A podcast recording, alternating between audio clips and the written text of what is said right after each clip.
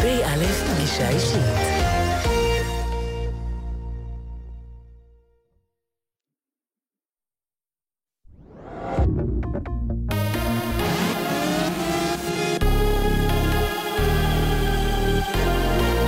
גלי צה"ל השעה שמונה, שבוע טוב, כאן ניתאי ענבי עם מה שקורה עכשיו. קוריאה הצפונית מאיימת על, יש... על ישראל באמצע... ואומרת נעניש את מי שיפגע בכבודו של מנהיגנו. במשרד החוץ בפיונגיאנג הגיבו על דברי שר הביטחון ליברמן שכינה את שליט קוריאה הצפונית קים ז'ונג און מטורף, בעל הברית של אסד ואיראן, חבורה קיצונית ומטורפת. בהודעת פיונגיאנג נכתב אמירות של ליברמן הן שפלות, מרושעות ומהוות אתגר עבורנו. ישראל היא המדינה היחידה במזרח התיכון המחזיקה בנשק גרעיני בחסות ארצות הברית ומטיחה האשמות בקוריאה הצפונית כדי להסיח את דעת העולם מהכיבוש, לשון ההודעה. כתבת חדשות החוץ שירה נאות מציינת כי הלילה ביצעה קוריאה הצפונית ניסוי כושל בטיל בליסטי לטווח בינוני. מארגני שביתת הרעב של אסירי פת"ח הודיעו כי יחדלו ממחר מכל שיתוף פעולה עם מערכת המשפט בישראל. עורכי דין נקראו לא לייצג עצורים, נאשמים ואסירים. כתבנו לענייני ערבים ג'קי חוגי מציין כי על פי דיווחים ברשות הפלסטינית הצטרפו היום 100 אסירים בכלא מגידו לשביתה, שתיכנס מחר לשבוע השלישי. ילד בן שש נפגע קשה מחפץ כבד שנפל עליו. כתבנו רמי שני מוסר כי הוא פונה לבית החולים סורוקה בבאר שבע להמשך קבלת טיפול רפואי. קשיש בן 80 טבע בחוף סירונית בנתניה, מצבו מוגדר קשה. כתבתנו הדש שטייק מוסרת כי צוות של מגן דוד אדום ביצע בו פעולות החייאה ופינה אותו לבית החולים לניאדו בעיר. הרשויות בטורקיה הדיחו יותר מ-3,900 עובדי ציבור מתפקידיהם. לפי סוכנות הידיעות רויטרס, מאז ניסיון ההפיכה הכושל בשנה שעברה, יותר מ-120 אלף עובדים פוטרו, וכ-40 אלף איש נעצרו. מוקדם יותר היום חסמה טורקיה את הגישה לאנציקלופדיה החופשית באינטרנט, ויקיפדיה. כדורגל מליגת העל, מ"ס אשדוד גברה על הפועל תל אביב 2-0 והבטיחה את הישארותה בליגה. במשחק המקביל, הפועל כפר סבא ניצחה את הפועל אשקלון 1-0. כתבתנו קרן בן מרדכי מציינת כי כעת הפועל אשקלון נותרה מעל לקו האדום בטבלה, ולזכותה נקודה אחת יותר מהפועל תל אביב, שנמצאת מתחת לקו. להפועל כפר סבא עדיין קיים סיכוי להישאר בליגה. בעוד שעה יחל המשחק בין מכבי תל אביב להפועל באר שבע, שבו יוכלו האדומים להבטיח זכייה באליפות השנייה ברציפות. מזג האוויר למחר אצלנו, עלייה בטמפרטורות ויעשה שרבי, אלה החדשות.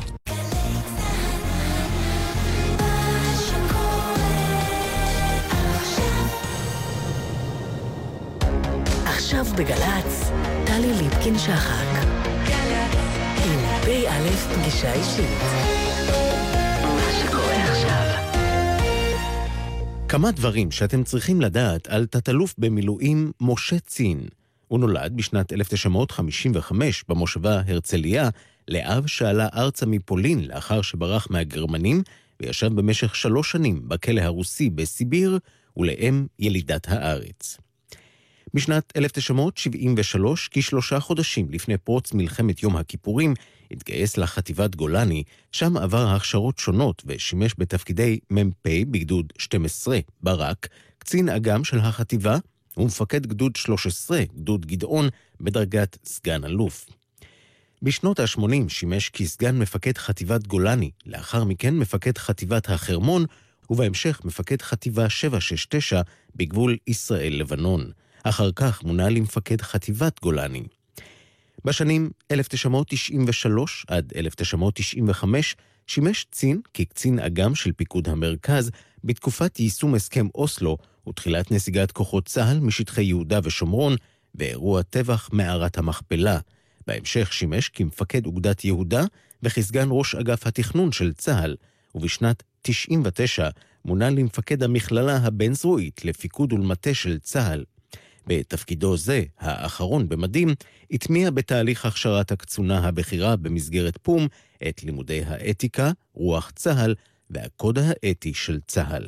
לאחר שחרורו בשנת 2002, שימש משה צין מנכ"ל החברה העירונית לאומנות, תרבות וספורט בחיפה במשך כשנתיים, ולאחר מכן ניהל את כפר הנוער רמת הדס הסוד לנוער בסיכון. בשנים 2011 עד 2016 שימש כסמנכ"ל וראש אגף שיקום הנכים במשרד הביטחון, ולא מכבר מונה לתפקיד ראש האגף הביטחוני-חברתי במשרד, שבו עיקר התפקיד הוא עידוד הגיוס בקרב אוכלוסיות נוער שונות ברחבי הארץ. לתת-אלוף במילואים משה צין, תואר ראשון בהיסטוריה כללית מאוניברסיטת תל אביב, ותואר שני במנהל עסקים מאוניברסיטת בן גוריון. הוא נשוי לעידית, ולהם שתי בנות ובן.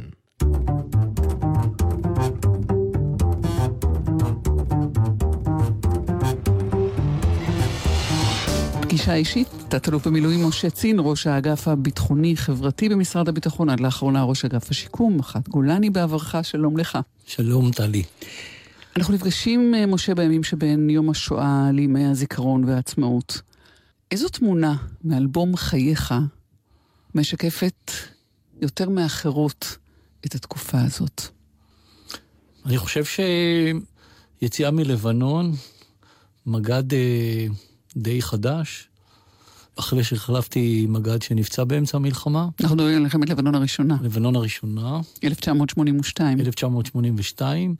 אני יוצא לחופשה קצרה מאוד, וזקני מבקש ממני שאני אקח אותו לתערוכה בקיבוץ שפיים לתערוכת יונים. כשאתה אומר זקני, אתה מדבר על אבא שלך? על אבי זקני. אוקיי. אני כל כך אה, לא רציתי, אבל אמרתי, אם הוא מבקש, כבר היה אדם מבוגר, ו... אבל אמרתי לו, יש לי תנאי, אני שם אותך, אני בחופשה קצרה, ותגיד לי מתי לאסוף אותך. הוא אומר לי, בסדר, אנחנו מגיעים לקיבוץ, ואז הוא אומר לי, עכשיו תבוא איתי רק לדקה אחת. פסעתי איתו לכיוון התערוכה, והוא מפגיש אותי עם אדם ענק, איש ענק, גדול ממני בגובה, ברוחב, ואני מסתכל עליו והוא מוכר לי מאוד מאוד. ואבי אומר לו, תכיר, זה משה הבן שלי. אמר לי, שלום, מה אתה עושה? אמרתי לו, אני מג"ד 13. אז הוא אמר לי, אתה לא מג"ד 13. בגולני שאומרים דבר כזה, זה... יש לי לזה משמעות, אז אני אומר לו, אבל אני מג"ד 13, אני בא עכשיו מלבנון. הוא אמר לי, שמע, אתה לא מג"ד 13, אתה מג"ד גדעון. ואכן, גדוד 13 זה גדוד גדעון, ואני מזהה אותו, ומולי עומד אברהם יופי. הוא אמר לי, טוב, אתה יודע מי זה אבא שלך? אז אני אמרתי לו, אני פחות או יותר יודע, אני לא בטוח. אני רק אגיד כאן, אברהם יופי זה אלוף אברהם יופי. אלוף אברהם יופי. הוא אמר לי, טוב, תראה, אבא שלך היה קשר שלי, כשהקמנו את גדוד גדעון במלחמת העצמאות. זה המפגש שלי אה, על בית ששתק מצד אחד, מלידת הארץ, אז זה לא היה, אבל אבי הגיע משם, ולא דיבר מילה, וככה אני פוגש את אה, קשר אה, של גדוד 13, שאני מפקד עליו במלחמת שלום הגליל בחלקו. והוא לא אומר לך כלום לא, לא, הוא לא אומר כשאתה מקבל לי... את הגדוד? לא, הוא לא אומר לי כלום לכל אורך הדרך, יש שתיקה. אה, השתיקה הזאת היא דבר שליווה אותו כל חייו, הוא היה עסוק בגידול בעלי חיים, היה לו שובח מספר 5, ולאלוף אברהם יופי היה מספר 1. שזה אומר מה? שזה אומר מספר ש... מספר היונים או סוג היונים? סוגי היונים היו יוני דואר אז, שהיו משחררים אותם ומעבירים הודעות, כמו ביונה ונער של מאיר שלו, וכשאני ילד, אז אני עוזר לו להכין את הטבעות שמטביעים, ואז היה שין צדיק, שמואל צין, מספר חמש, שין צדיק חמש. עכשיו, השין צדיק חמש והיונה מתחברים לי עם המפגש שאני רואה את אברהם יופי, שהוא אומר לי שאני לא. מג"ד 13, אה, עם סיפור מאוד של אבא שיוצא מגיל 21, מסיביר, ממחנות הכפייה שהסובייטים, הרוסים, תפסו את כל מי שברח מזרחה. הגרמנים נכנסים לכפר שהוא היה בו, גדל בו, בוולודבה, שזה על הגבור של נהר בוק. בין פולין לבין רוסיה. אה, נכנסו לכפר, אספו את כל היהודים מתוך הבית כנסת. הוא היה אדם חילוני, בכפר גרו גם חילונים, גם דתיים. והוא מבריח את אחיו עם שני ילדים קטנים אה, מאוד בתוך שק, ודוחף אותו החוצה כשהגרמנים יורים, הורגים כדי להכניס אותם, וככה הוא מבריח את הגבול. אח שלו הולך לכיוון אחד ולכיוון שני. הוא נשבע, והוא עובד שלוש שנים מעבודות פרך בסיביר. ואז בשנת 42, כשהגרמנים במבצע ברברוסה נכנסים לגרמניה ומגיעים כמעט לסטלינגרד, באותו זמן הבריטים פוגשים את הגרמנים באל אלמיין והייתה תחושת מצוקה. הם יכבשו בעצם את כל אה, מצרים, ישראל, עד עיראק, איראן, ואז אה, הרוסים אה, עשו הסכם עם הבריטים לשחרר את כל השבויים שהיו בידי הרוסים, ועם גנרל אנדרוס, שהיה גנרל פולני, הקימו את הפלוגות עבור, עבור האנגלים, וכך הוא יוצא עם ילדי טהרן, אז הוציאו גם את ילדי טהרן שהם היו ילדים, והוא יצא עם uh, עוד כמה בחורים שהם היו יותר בוגרים, הגיע לארץ דרך uh, איראן, עיראק, ירדן, ארם נהריים, מגיע לארץ וחותך לקיבוץ צבאים, הוא לא הולך uh, להיות עם האנגלים, ומתיישב שמה, וב-44 עובר למושבה בהרצליה. ושם אתה נולד. עוד לא לחצתי על הכפתור, וכבר הסיפור הזה יצא, כי הוא כל כך משמעותי בחייך. עוד לפני שידעת אותו בעצם. זאת אומרת, כשאתה מג"ד 13 וכבר עושה את הדרך הזאת בצבא, אתה עוד לא יודע למה, אבל עובדה כן. שאתה בוחר בדרך הזאת. כן, הדרך הזאת כנראה... שהמסע שלי הולך במקומות שאני, לא שאני בדיוק יודע לאן אני הולך, לא שאני בדיוק רוצה ללכת, ויש משהו שמסמן לי את הדרך. אתה זוכר למה בחרת ללכת לגולני כשהתגייסת ב-73? אני רציתי ללכת לגולני, אפילו לא יודע למה, אבל uh, אני יכול להגיד לך שבאוטובוס שיצאנו ב-73, שלושה חודשים לפני יום כיפור, למחנה שרגא, אוגוסט היה דחויי מאי, הידוע. הגענו רבע אוטובוס בקושי, כי כל צומת היו קופצים כמה עם הקיטבקים ונגמר העניין. תגיד, זה אמיתי או שזה זה אמיתי לגמרי. זה אמיתי לגמרי. ואתה יש... בחרת. ואני בחרתי. התגייסת לפני מלחמת יום הכיפורים, אבל במלחמת יום הכיפורים יש מעט מאוד שטירוני גולני יכולים לעשות. זה נכון. זה אלוף משנה במילואים יום טוב חזן, שהיה אז אה, סמח"ט אה, ב', הכין את כל הטירונים לכנס דו גולני לדורותיו בפארק הירקון. ממש באוקטובר אמור היה להיות. ממש באוקטובר, וביום שישי בשעה שתיים וחצי קיבלנו הודעה שמפזרים אותנו, וכבר ביום שישי בערב, שיום לפני מלחמת יום הכיפורים היינו כבר במחנה פילון, והתחלנו כבר בלילה להעמיס אה, פגזי טנקים וזיווד לטנקים שהיו עירומים של אנשי מילואים במחנה פילון. אה, זה מוזר, אבל היינו כבר, אה, עשינו כבר את הפעולות. ולימים אה, נקשר אה, סיפור שהוא הולך איתי כל השנים, אה, משם והלאה. בשעה שתיים בצהריים יצאו כבר טנקים ראשונים של פלוגות מילואים. אנחנו עמדנו שם, וראיתי כשם שהם יוצאים, טנק אחד מגיע לשער של פילון ונעצר שם, בלי דלק. הוא לא יכול לנסוע לא קדימה ולא הוא חוסם את כל הטנקים. ואז עמדנו שם, והיינו נערים שלא מבינים עוד מי... ואז ראינו שטנק אחד בא ודחף אותו הצידה לגמרי, ואפשר לטנקים לנסוע. לימים, באגף שיקום נכים במערכת הביטחון, במשרד הביטחון, הענקנו מופת שיקומי לשלושה אנשים כל שנה. ולפני שנה, אחד הנכים שאותר כמופת שיקומי מבין השלושה, היה סגן אלוף במילואים, הוא כבר אלוף משנה, עוזי מור, שהוא היה מג"ד הטנקים של אותה פלוגה, שהוא נסע בטנקים, טנק שלישי או רביעי הוא היה מאחורה, אז אני, שהוא, פגשתי אותו ובישרתי לו על כך, ונפגשנו והכרנו אחד שאני סיפרתי לו את הסיפור. אז הוא אומר לי, זה היו טנקים שלי. אבל לא נלחמתם ממש. לא, ממש לא, לא. אתה זוכר תסכול? תחושת החמצה? או. רווחה מסוימת, שזה לא עובר עליכם ממש? לא, אני זוכר רק שעמדנו, נדהמנו כשראינו את החיילים הסדירים שנותרו, כנראה מחטיבה 188, מפויחים, מגיעים לאזור פילון, צלק משהו בפנים. זה מראה שאתה נושא אותו, ושאתה מתבגר, הטנק הזה, אתה עוזב את זה, הטנק לא יוצא ממך, ומשם אתה סומך רק על עצמך. נשארת בצבא מתוך החלטה, או כי זה פשוט קרה? בסוף תקופת מ"פ בגולני השתחררתי, הייתי איזה שישה חודשים בחוץ. התייעצתי עם אה, מורי ומפקדי אורי שגיא. הוא די שכנע אותי שצריך להמשיך הלאה, וחזרתי. הייתי קצין אג"ם של החטיבה במלחמת שלום הגליל, במג"ד 13 מוטי נפצע, באמצע המלחמה הייתי איתו ביחד. למעשה כמעט כל המטה נפצע ומוטי נפצע קשה מאוד.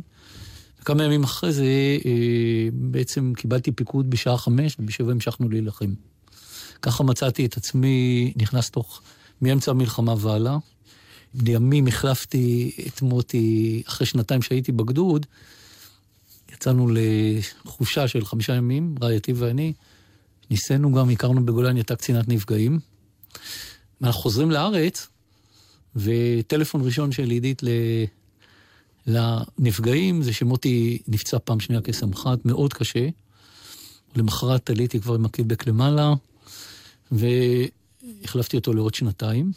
אנחנו נעשה אתנחתא, תת-אלוף במילואים אה, משה צין, ונשמע לבקשתך, ראשון משלושה שירים שבחרת, ממש בהמשך לדברים על מלחמת לבנון הראשונה, שיר שהלחינה רעייתך, עידית צין, יחד עם חמי רודנר, למילים שכתבה ראיה הרניק, אימא של גוני, זכרו לברכה, שנהרג בבופור, סימן לאהבה. עידית הלחינה. גוני חבר, היינו חברים מאוד טובים. הוא יפה תואר ותואר. הוא היה ממש ללא רבב בעולם הרחב, בזה ששילב לחימה ומוסר, והוא היה מופת בעיניי, והיינו גם חברים טובים. הוא השתחרר שבוע לפני שלום הגליל, ופגשתי אותו בבוקר, בשמונה בבוקר שנכנסנו, בשער יפתח, נופפנו לשלום, ולמחרת קיבלנו את הידיעה בקשר. אה, מאז אנחנו אה, צועדים ופוסעים ביחד עם ראיה, כחברה, כמשפחה, נוסעים אה, בכאב ובשמחות ביחד. ועידית הייתה קצינת נפגעים של, בשלג של הבחורים שנפלו בגולני, והשנה הבשילה הדרך, הבשילה העת שהלחינה את השיר. אנחנו נשמע סימן לאהבה ונחזור.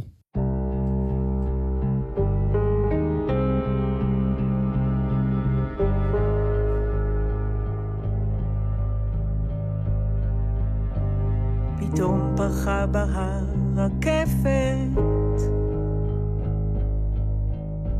לא מסודרת בשורות.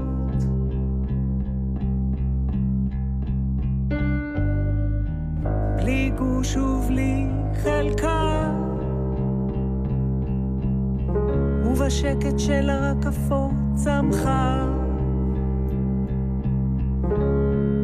ובשקט של הרקפות על יד קברך.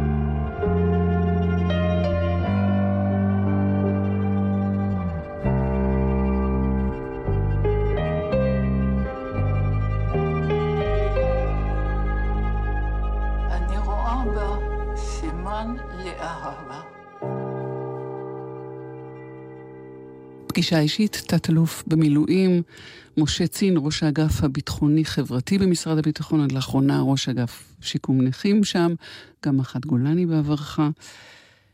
איזוהי טבילת האש האמיתית שלך, או הרגע שבו מתבגרים באמת? כשנהרג חבר, כשנהרג פקוד? מתי זה ממש קורה? אני התחלתי להרגיש את המסע העצום של האחריות מהרגע שבו אתה מתחיל לראות אה, מקרוב מאוד בחורים צעירים שנופלים ונהרגים אה, תוך כדי לחימה. ואני חושב שזה התרחש אה, בתחילת אה, מבצע שלום הגליל, ומלווה את השבועות הראשונים של המלחמה. אתה נפגש עם, אתה נפגש עם, ה, עם המוות ממש מקרוב. אתה מסתכל על זה, אתה עוד לא מספיק, אתה מתבגר, אני לא בטוח שאתה יכול לעכל את זה. אני חושב שהדברים שאני עיכלתי אותם התלוו לי עם הזמן, אה, בעיקר בשנים של לבנון. אתה מתחיל להרגיש את המסע הכבד הזה. יש אה, מצבים שאתה מוביל אנשים תחת אש, ואתה מרגיש את האחריות שאתה צריך לעשות הכל, מצד אחד לבצע את המשימה, ומצד שני, לעשות הכל כדי שיהיו כמה שפחות נפגעים, אם, אם אתה יכול. המפגש הזה הוא מפגש שמתחיל לבגר אותך. במעלה הדרך, המפגש הזה עם ההתקדמות של שנות לבנון, ההתבגרות שלי הגיעה באותה הבנה שהבנתי את מגבלות הכוח, לא את הכוח. נהרג אה, גם קצין הארטילריה שלך וגם הנהג האישי שלך כן. בעת שהיית מפקד חטיבה 769, 769 כן. מפיגוע של פיצוץ מכונית תופת. כן. נסיבות היו, אנחנו נכנסנו לעשות איזושהי פעילות מבצעית. אה, מפקד האוגדה נחמיה תמרי, זיכרונו לברכה, היה מפקד שלנו. בנסיבות מבצעיות אה, בוטל המבצע, חזרנו חזרה, ואז בשער פטמה הידוע, אה, עדיין לא היו סידורי אה, ביטחון, משום שזה היו כניסות ויציאות מאוד, וכשאנחנו חזרנו, מפקד האוגדה רצה לפגוש אותנו כדי לקבל פרטים יותר. עמדנו בצד, נכנסנו לעמוד בצד ולא שמנו לב בכלל שמכונית רודפת אחרינו, ובעצם התפוצצה מכונית עם 250 קילו. כן, הקצין ארטילריה שלי נהרג אה, במקום.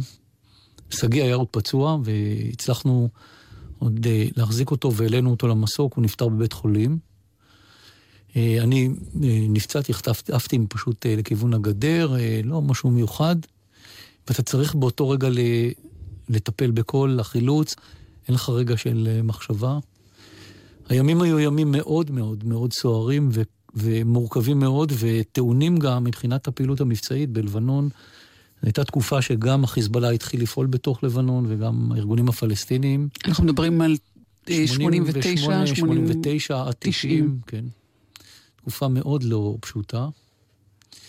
אבל המסע הולך ונעשה כבד כשאתה שולח אנשים אתה מתחיל כבר גם כמח"ט גולני, אה, יותר אתה שולח את הסיירת, שולח את הגדודים, אה, ושם אתה מתחיל לפגוש בעצם את המסע הכבד הזה של, שאתה מבין מה עובר על רמטכ"לים, שצריכים לקבל החלטות כל יום לשלוח אנשים ולעמוד מאחורי ה...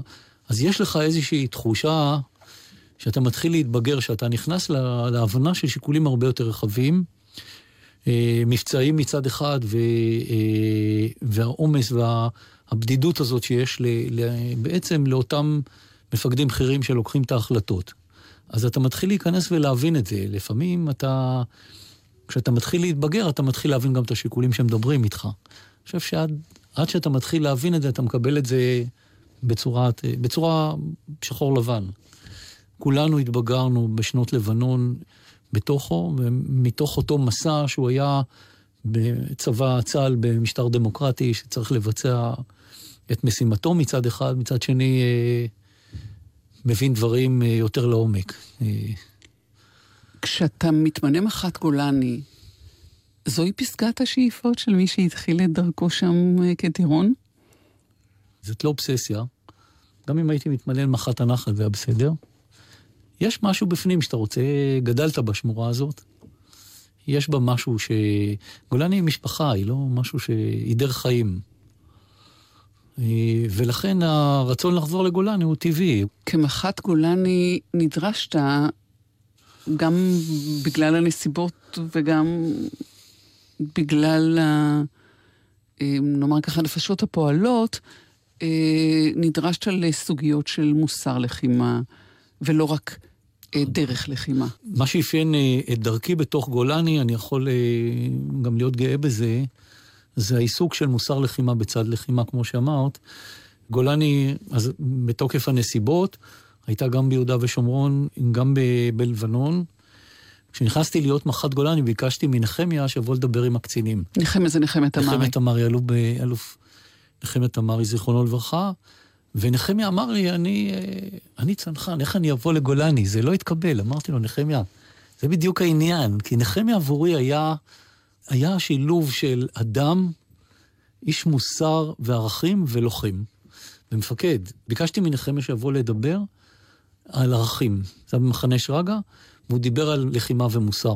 קרה משהו מסוים עם החטיבה באותה תקופה שחייב אותך לסידוד מערכות? היו מספר אירועים אה, שבהם אה, הבנתי שההתנהלות והתנהגות של מפקדים אה, מרמת, אפילו עד רמת מ"פ, הייתה לא בנורמות שאני מבין שהן היו נורמות של ערכי צה"ל. הגם שמסמך ערכי צה"ל עוד לא היה קיים. אבל היה ברור לנו, אנחנו לא היינו צריכים, זאת אומרת, טוב שעשו את המסמך. לימים גם כמפקד פום דאגתי שנטמיע את זה ונלמד. היו דברים שלא נראו אז פופולריים בעיני הקצינים, אבל קיבלנו החלטות לא פשוטות, לא בתור האנשה, אלא בתור סימון הנורמה, וקצינים לא המשיכו בדרכם בחטיבה. אחר כך, אה, סוגיית מוסר לחימה, או לפחות מורכבות לחימה, נאמר כך, אה, עולה כשאתה קצין אג"ם פיקוד מרכז. כן. זה אזור בעייתי, זו תקופה קשה, תקופת הסכמי אוסלו, ובמשמרת שלך נופל גם הטבח שמבצע ברוך גולדשטיין כן. במערת המכפלה. התקופה הזאת היא תקופה שבעצם אה, אלוף פיקוד אה, מסיים, נכנס אלוף פיקוד חדש. ביהודה ושומרון אה, יש אירועים שהם אירועים גם אירועי טרור, וגם התיישבות שחיה בתוך השטח וכל מה שיש בו, ובתוך כך היו לא מעט אירועי טרור בתוכם, והשיא שלהם היה באירוע ש, שאנחנו חווינו עם אירוע גולדשטיין, שאף אחד, אני חושב, לא ידע מאיפה זה בא לו. מעניין הוא שכשמדברים איתך על התקופה שלך כמפקד אוגדת יהודה, מה שאתה זוכר זה דווקא פגישה לגמרי לא צבאית, כן. עם ראובן פוירשטיין. כן, אני מוכרח להגיד שמבחינה צבאית אה, באוגדה עשיתי את מה שנדרש, ומי שצריך יעיד, יעיד, לא אני. מה שהשאיר עליי רושם חזק מאוד, ועוד פעם מתחבר לדרך שלי, היה המסע הערכי, אה, שמתחבר גם עם צבא, גם המוסר לחימה וגם ערכים. ואנחנו, אה, אני פוגש את אה, פרופסור ראובן פוירשטיין עליו השלום, נכנסתי אליו למשרד, והרגשתי שאני בכיסא מתכווץ כולי, כי יושב מולי אדם מואר מאוד. האיש שפיתח את התיאוריה של קידום כושר הלמידה של האדם ביכולת שלו, בין אם זה אנשים מוגבלים מאוד וגם אנשים מפותחים מאוד. והוא שאל אותי אם אני יודע לקרוא משמאל לימין. אז אמרתי לו כן. אז הוא אמר לי, אני אתן לך ספר, ותקרא ועוד שלושה שבועות תבוא אליי. אמרתי לו, בסדר. לקחתי את הספר, ניסיתי להבין מה הוא רוצה, וחזרתי לפגישה יותר מאוחר איתו, ואמרתי לו, אתה עושה חצי יום בשבוע, אתה מביא את הנערות ואת הנערים, בני 17-18, והמטרה שלך שהם יתערו בסביבה אחרת, שהם לא יישארו באותה סביבה, זה נערים ונערות עם תסמונת אה, MRX ותסמונת דאון ועוד כל מיני דברים. ואמרתי לו, שמע, אני רוצה בעוד כמה שנים, בוא נעשה מילואים לקבוצה הזאת. אני אעשה את זה קצר, אה, הבאנו גם את כל מטה כללי, הרבה מאוד אנשים חשובים שבאו לראות, ואין איש שלא דמה שם, שראה את הבנים ואת הבנות. ובטקס אה, חיילים מצטיינים ביום העצמאות, ראיתי, הגיע אחד מבכירי המפקדים בצה"ל, כשביתו הייתה שמה, והיא קיבלה גם חיית מצטיינת לא בגלל שהיא ביתו, כי היא באמת הייתה מצטיינת. ברגע הזה אמרתי לחיילים שלי, שאם הם יכולים, כולנו יכולים. וגם לקצינים ולכולנו, ואני חושב שזכינו לגעת באור, ואני חושב שכשהפתיחות הזאת של הבכירות בצה"ל שנתנה, סללה את הדרך לגייס היום מתנדבים לצה"ל. היינו סנונית ראשונה, ואם היה לי, אה, הייתה לי הזכות להיות החייל שלו, של פרופסור פורסט, אני שמח. אנחנו נעשה אתנחתא, משה צין, שוב עם שיר שעידית רעייתך חיברה. דבר אבא, דבר. אמיר, אה, אמיר מיטל, אלם יפה תואר, אה, מפקד סיירת השני, בתוך לבנון. הוא לא היה פקוד שלי וגם לא הייתי פקודו, אבל הכרנו. ובעיקר ההיכרות עם המסע עם ההורים המקסימים דוד ורבקה. ודוד כתב אוטוביוגרפיה שמשלבת שיח עם אמיר. הספר דבר אבא דבר, ופה בפעם הראשונה אנחנו שומעים שדוד קרא לו אמיריק, ובהיכרות שלנו עם המשפחה, עידית אה, כתבה את השיר והלחינה. אנחנו נשמע ונחזור.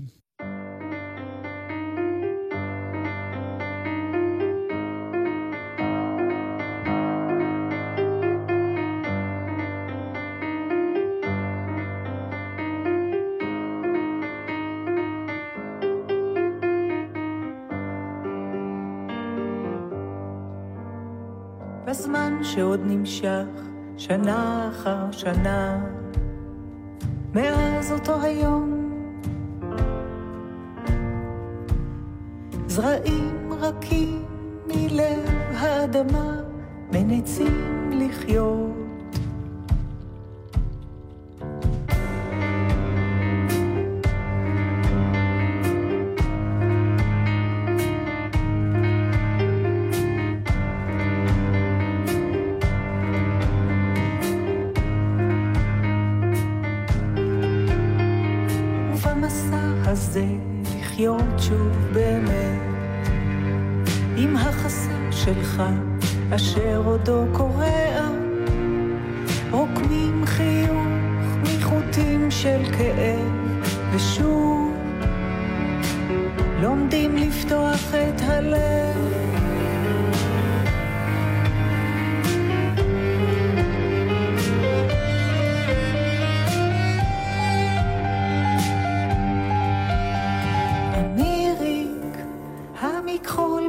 מצייר ואני שוב יוצר צבע על צבע על בד, שב ומספר.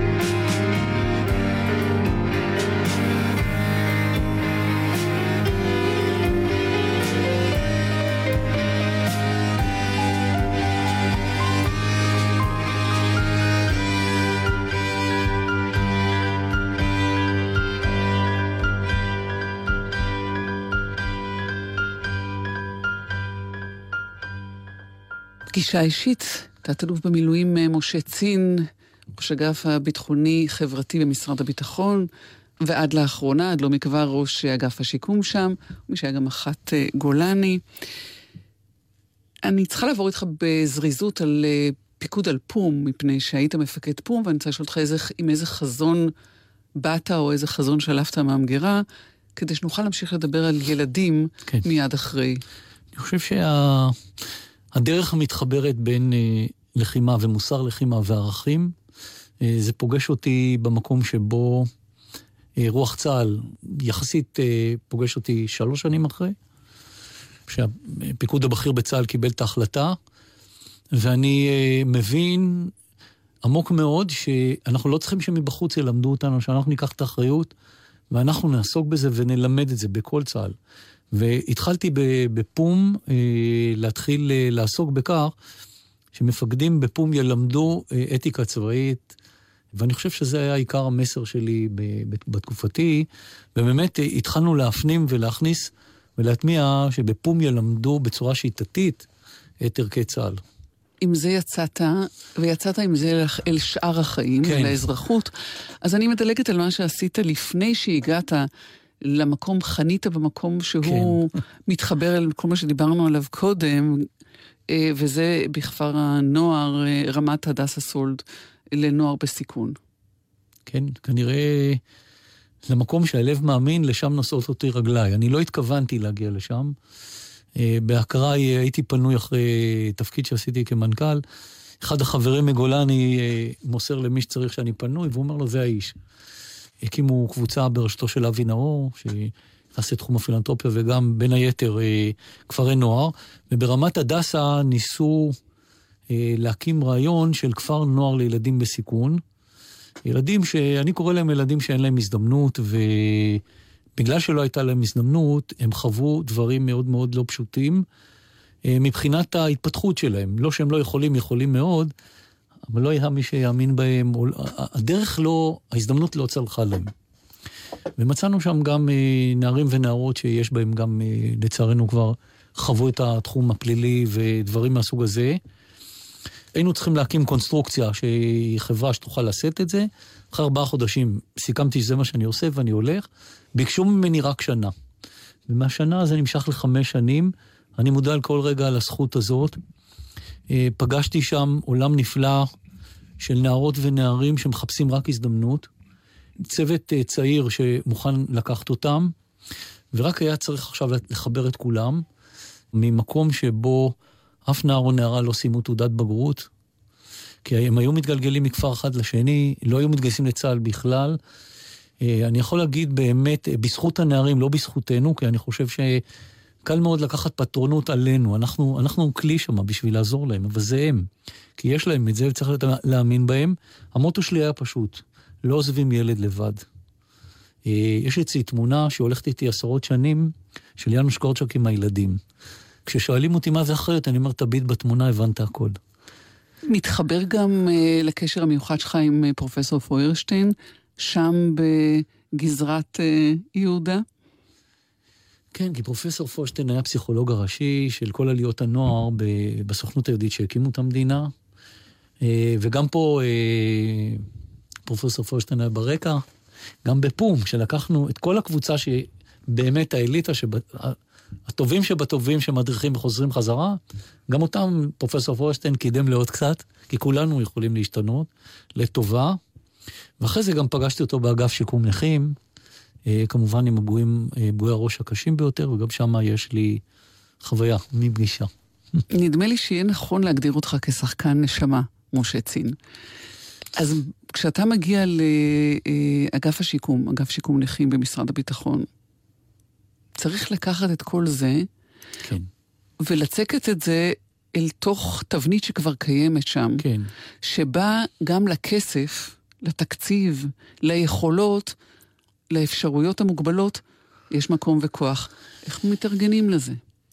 יש uh, עניין אחד די פשוט, האמת היא שלאגף שיקום נכים, ששאלו אם אני מעוניין כי צריך, אמרו לי, אבל יש מכרז, כי זה, אנחנו נמצאים אה, בנציבות שירות המדינה, וזה לוקח חודשים. אמרתי, רק לא אגף שיקום. אבל כנראה לא ידעתי שזה יהיה שם. למה לא אגף שיקום? האינסטינקט אמר לא, בגלל המורכבות של כל מה שקורה, ואתה מכיר פצועים, אתה צריך אחרי זה לדבר איתם. אה, חצי שנה בכל התהליך של המכרז, הייתי כבר במקום אחר עם חוזה והסכם עם חברה אחרת. ואחרי שעברתי את כל התהליך, כולל מבחנים ורעיונות וכל הדברים, אה, נקראתי לדגל, ביקשתי יומיים. התייעצתי עם חבר אחד, אמרתי לו, שמע, אני בדילמה מוסרית. עוד פעם זה מגיע לשם. אמרתי לו, שמע, אם יבוא אליי חבר שנפצע לידי, אה, ממש לידי, והוא יבקש משהו, ואני אצטרך להגיד לו לא, אני יכול לעשות את זה או לא. כי אם אני לא יכול לעשות את זה, אל תיכנס לאגף שיקום. אם אתה יכול לעשות, תיקח את זה עליך וצא לדרך. האמת היא שהתייסרתי לא מעט, והחלטתי לקחת את המסע. והמסע הזה הוא, הוא מסע שהוא נע בין... אה, הוא נע בין שני הכתבים האלה. נאמנות שלך מצד אחד, היא קודם כל לאנשים שנפגעו, לחמלה, לכאב, לאדם שבאדם, לא לתיק שלו, לא למספר שלו, לעיניים. אתה מסתכל בעיניים לאנשים, אתה חייב להבין ולחוש את הכאב. אתה לא יכול להחליף את הדבר הזה שם, אבל לחוש כן, ולעשות הכל כדי לסייע. ומהצד השני, הנאמנות היא בסופו של דבר לחוק, לשלטון החוק, לכספי ציבור. ואתה צריך לאזן בין שני הדברים. עכשיו, לכאורה זה מייצר קונפליקט, אבל זה לא קונפליקט. אבל כן אה, ברקע מתקיים בשנים האחרונות שיח מאוד ער בשאלה, שאלת הזכאות. וגם יש כן. את ועדת השופט אה, אורי גורן לצורך העניין הזה. זהו נושא שנמצא על המדוכה הרבה זמן, ויש פה טיעונים אה, חזקים אה, בעד איזשהו שינוי כן. ביכולת הקשב לכל האוכלוסייה הזאת כדי לצמצם את שיעורה? אני חושב שהתהליך שנעשה הוא היה תהליך אה, סדור, בעיניי נכון. לא מקבלים את ההחלטות בהרף עין ועושים דברים, אבל אני חושב שהגיעה הבנה, בשלה הבנה אצל הגורמים שצריכים לקבל את ההחלטה, וזה סמכותם שאנחנו נמצאים בנקודה או בצומת שצריך לקבל הכרעות. כבר קיבלו הכרעות, אבל לא מסוגלים ליישם אותן. לא, אני לא חושב. אני חושב שבמשרד הביטחון אה, יש חוק שהתקבל לאחרונה, ואני חושב שבקרוב מאוד אה, מחלות, אה, למעט מחלות שירות, לא יטופלו יותר באגף שיקום נכים וגם חלק מהחבלות. אני חושב שהכיוון הולך נכון, וזה הולך ליישום. זאת ההבנה שלי. מחלות, אה, למעט מחלות שירות. כן. תגדיר מחלת שירות, הלוא זה חלק מהעניין. אה, אין הרבה מחלות שירות, יש מעט מחלות שירות, אני לא רוצה להיכנס אליהן כרגע, מטבע הדברים, אבל uh, אני חושב שמדובר uh, על מספר בודד של מחלות שירות, שהוא יהיה רק נכון לגבי צה"ל ולא נכון לגבי מערכות אחרות. למעט זה, אנשי קבע יטופלו בביטוח לאומי, ואני חושב שהולכים ליישום הזה, זה כבר שם, זה מה שאני, ככל שאני יודע. וזה נכון, וזה ישחר, יאפשר לאגף שיקום להתמקד בטווח היותר ארוך בנפגעים שהם באמת נפגעים שהם פצועים מ... נקרא לזה ממבצעי ומפעילות של אימונים. כלומר, חייל ששתה לשוחרר בסוף השבוע ונפגע קשה או אחרת בתאונת דרכים, דינו? לא, ועדת גורן הפרידה בין חיילים לבין אנשי קבע. לגבי חיילים בזמן חופשה, גם לזה התייחס חוק, החוק שהתקבל בכנסת לאחרונה. יש מה שנקרא התנהגות אזרחית, שמשווים אותה להתנהגות האזרחית, שהיא התנהגות חמורה, שהיא אינה על פי החוק, וגם לזה יהיו תשובות. מסובך, אין ספק. מורכב, מסובך, אבל אני חושב שההגדרה מחדש של הגבולות היא נכונה. כלומר, זה שהיא משקפת איזה שינוי בחברה כלפי האתוס הצבאי, אתה, אתה לא, לא כורך את זה יחד. אני חושב שדווקא במקום הזה היא היא יותר מתחברת למקום שכנראה באיזשהו מקום, אה, אני אגדיר שאולי קצת ההכרה הזאת לא נפרצה, אבל היא לקחה אוכלוסיות רחבות יותר. אני חושב שהיום היא תצמצם אותם יותר, ודווקא במקום הזה היא כן תאפשר ל... לשקם יותר נכון ולטפל בנכים באופן יותר ממוקד. אז בואו נדבר רגע על נכים נפגעי ה-PTSD, למשל, פוסט-הטראומה, מה שאנחנו קוראים. ואלה, הרבה פעמים, וגם בפנייה אליכם בשנים האחרונות, משוועים לעזרה ולהכרה. גם שם אה, יש איזו תזוזה? צריך לומר ש-PTSD היא פגיעה שרב הנסתר על הנגלה בתוך, ה, בתוך העניין המקצועי מאוד, המדעי. יחד עם זאת, הגופים המקצועיים צועדים קדימה כל הזמן.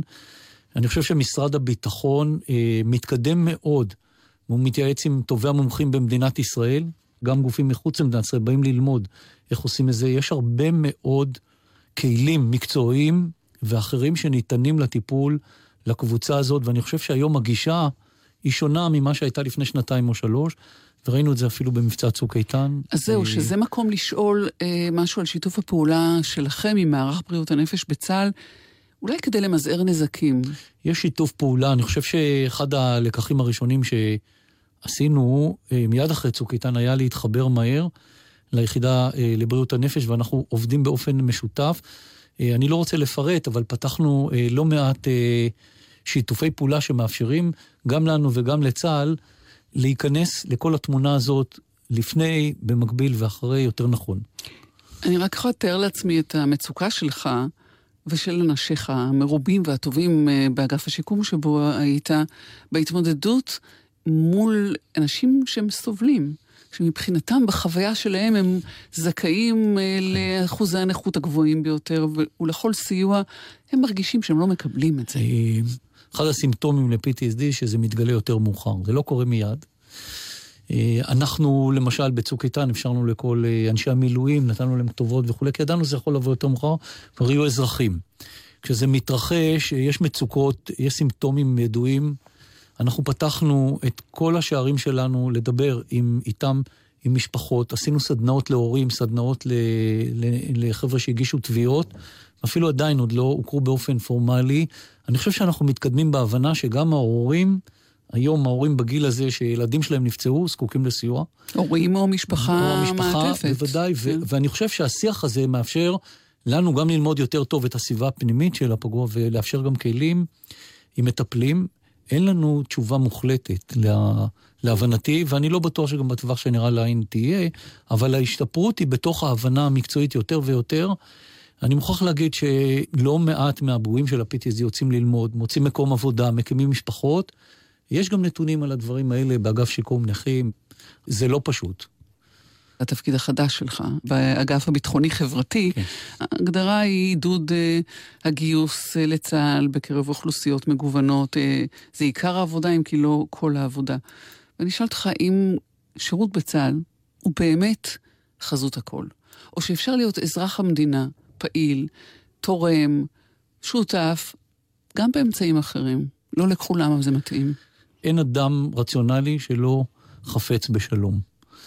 אבל כשאתה מתרגם את זה לעניינים קונקרטיים, אה, אנחנו לצערנו לא נמצאים במקום, בשכונה, שאנחנו יכולים לדחות ולומר זה לא יהיה. אנחנו אה, צריכים להיות מוכנים ולהכין את המשמרות. לעוד טווח שנראה לעין, כל אחד יראה את זה בדרך שהוא רואה. השירות בצה"ל צריך להיות אה, אה, מושא של כל אחד מבני הנוער במדינת ישראל, להתגייס לשירות קרבי או לשירות משמעותי שתומך את השירות הקרבי, אה, ויעשו את כל המאמץ להגיע לשם. קודם כל, כי זה חוב שלנו למשמרת, לנו, לילדינו, לנכדינו כאן, ובתקווה שלא נצטרך אה, להשתמש בזה. אבל אם אנחנו חפצים בשלום, אנחנו צריכים להיות מוכנים. זה לא קלישאה, זה דבר מאוד מאוד קונקרטי במדינת ישראל. וזה עיקר תפקידך באגף הזה? אנחנו uh, צריכים לעשות הכל, לאפשר להגיע לכל מגזרי החברה בישראל, uh, מכל הטווח, uh, גם לחייבי הגיוס וגם למתנדבים כמו הבדואים, כמו הנוצרים. לנוער בחו"ל, יש uh, מאות בני נוער בחו"ל שבאים מדי שנה ומזדהים. אנחנו מכינים אותם והם מוכנים להתגייס, והם בוחרים להתגייס רובם ליחידות קרביות. אני מקווה ונתפלל שיהיו ימים שנוכל לדבר על זה, שאולי יהיה אפשר לעבור לא את צה"ל. אבל אני מאמין, אני חושב שגם את uh, מאמינה בזה, שבסוף uh, נער או נערה שעוברים את צה"ל בשירות שהם עושים, הם יהיו גם אזרחים טובים לחברה שחיים בה, ייקחו אחריות, נהיה חברה בסך הכל יותר uh, צודקת. אלה מילים מצוינות לסיים איתן שיחה ממש לפני יום הזיכרון אה, ויום העצמאות אה, למדינת ישראל, ואנחנו ניפרד, לבקשתך, עם עוד שיר שכתבה רעייתך עידית צין, שיר לארז, לזכרו של תת-אלוף ארז גרשטיין, זכרו לברכה. כן. אה, זכיתי להיות במחיצתו של הטוב שבמפקדי השדה בצה"ל, להבנתי. אמרתי לו את זה כשהוא היה פקוד שלי בגולני, ואמרתי לו, ארז, אתה לא עושה לי בלאגן. אתה יותר טוב ממני, אבל אתה לא עושה לי בלאגן. אה, אני חושב שזאת החמצה גדולה. ארז אה, באמת, הוא היה נפיל בחייו, אה, ואנחנו חברים טובים של שולה ורפאל, זיכרונו לברכה, ושל עופרה. אנחנו חברים, כמו שאמרה, אנחנו עם המשפחה, אנחנו משפחה וחברים. יש אהבה גדולה לארז. לפני יום הזיכרון, במסע של גולני, שלושת מפקדי הסיירת, ראוי להזכיר אותם, ואת כל חיילי צה"ל שנפלו. תת-אלוף במילואים משה צין, תודה רבה לך. תודה רבה לך. נגיד תודה גם לדוד אלקלעי שערך איתי והפיק את המשדר הזה, למיכאל אבו ועמית פומפס על הביצוע הטכני, וכמובן לכם שהאזנתם לנו. אני טלי ליפקין שחק, היו שלום. ושוב מתכנסים אנו בין הארבעים, את אביו בריחו בריחותיו המשקר. פוגש במבט מצועף בעיניים, ושלום בין רעים בו כאב מסתתר. עברו כבר שנים, ובכל זאת בינינו עוד קשה להאמין שאינך, שאינך. הצער חרש את למיו בפנינו, ושדות זיכרון בם נושאים את דמותך. חיטה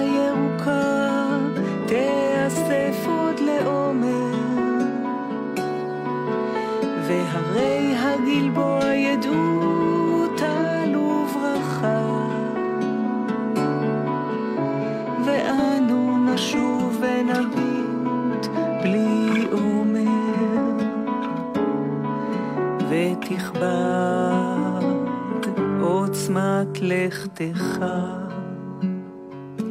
ואיש מאיתנו איננו שוכח את הרגע ההוא הנורא והמר שהפך את ישך הנחרץ, את ישך הבוטח לארז ענק הטמון בעפר. כן אפילו סלעים נשברים, כך נכתב וידוע, ואפילו נפיל שכמוך נגדע. אך מתוך היותך הנשגב, הנוכח עלי נרקם עינותך כסיפור אגדה. חיטה ירוקה תיאסף עוד לעומר, והרי הגלבוע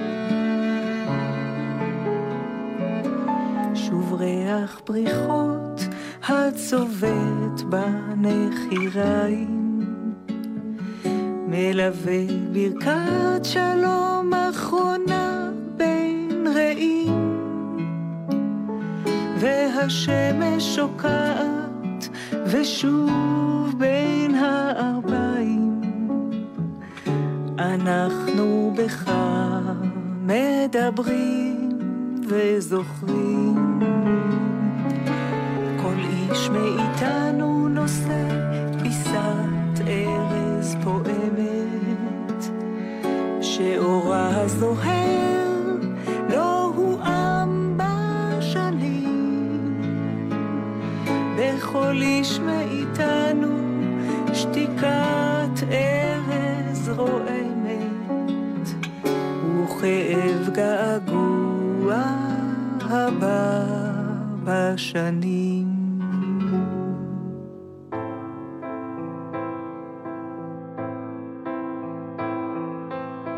בין האפל הנסתר בעולמנו המר אומרים שיש עוד תקווה, קוראים לזה אהבה ומחכים לבואה.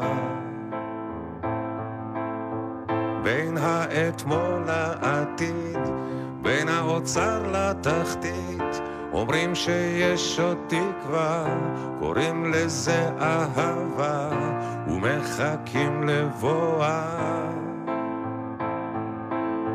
בין הבלבול לאסון, תדעו שיש פתרון, קוראים לזה אהבה.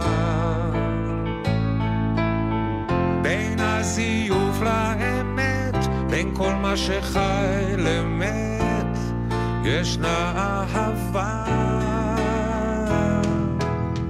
יש בי אהבה והיא תתעורר ותיגע. יש בי אהבה והיא תנצח. יש בי אהבה והיא תתעורר ותיגע. יש בי אהבה והיא תנצח. בין השפיות לשינה, בין הילדות לזקנה, אומרים שיש עוד תקווה, קוראים לזה אהבה, ומחכים לבואה. בין האתמול לעתיד, בין האוצר לתחתית, אומרים שיש עוד תקווה, קוראים לזה אהבה,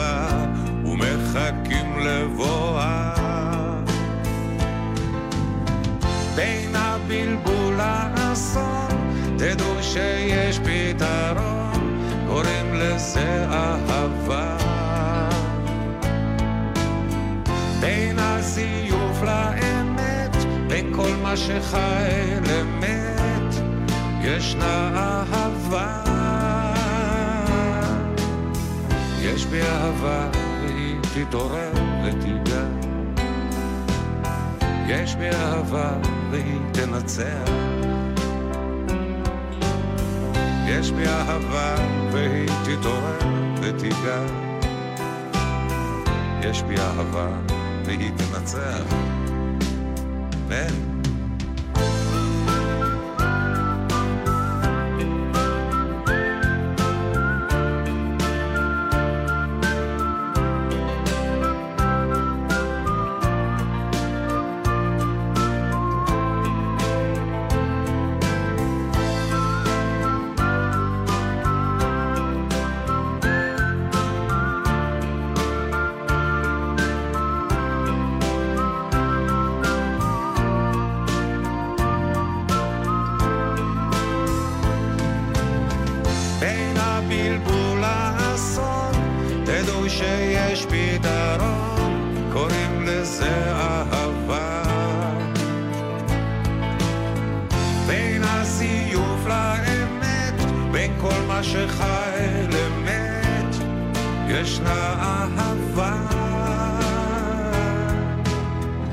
יש בי אהבה והיא תתעורר ותיגע. יש בי אהבה אתם עם גל"צ.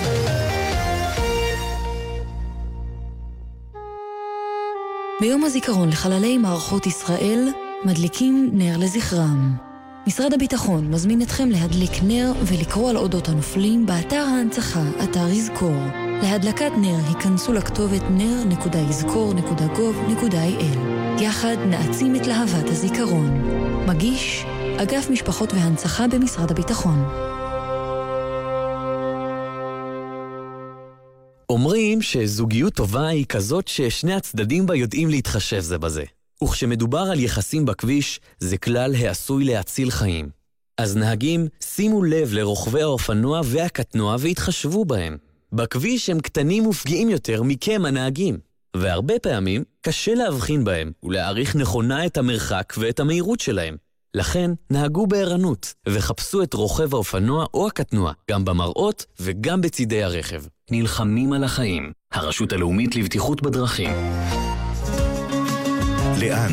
מת טוראי אבי אלטמן, זיכרונו לברכה, שנפל במלחמת השחרור. את השיר מלחין ומבצע סרן יובל.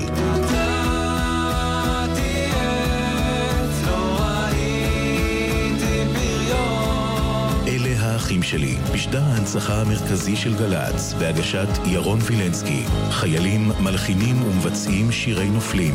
שני, שתיים בצהריים. יום הזיכרון לחללי מערכות ישראל ופעולות האיבה בגל"צ, וגם בערוץ 24. מיד אחרי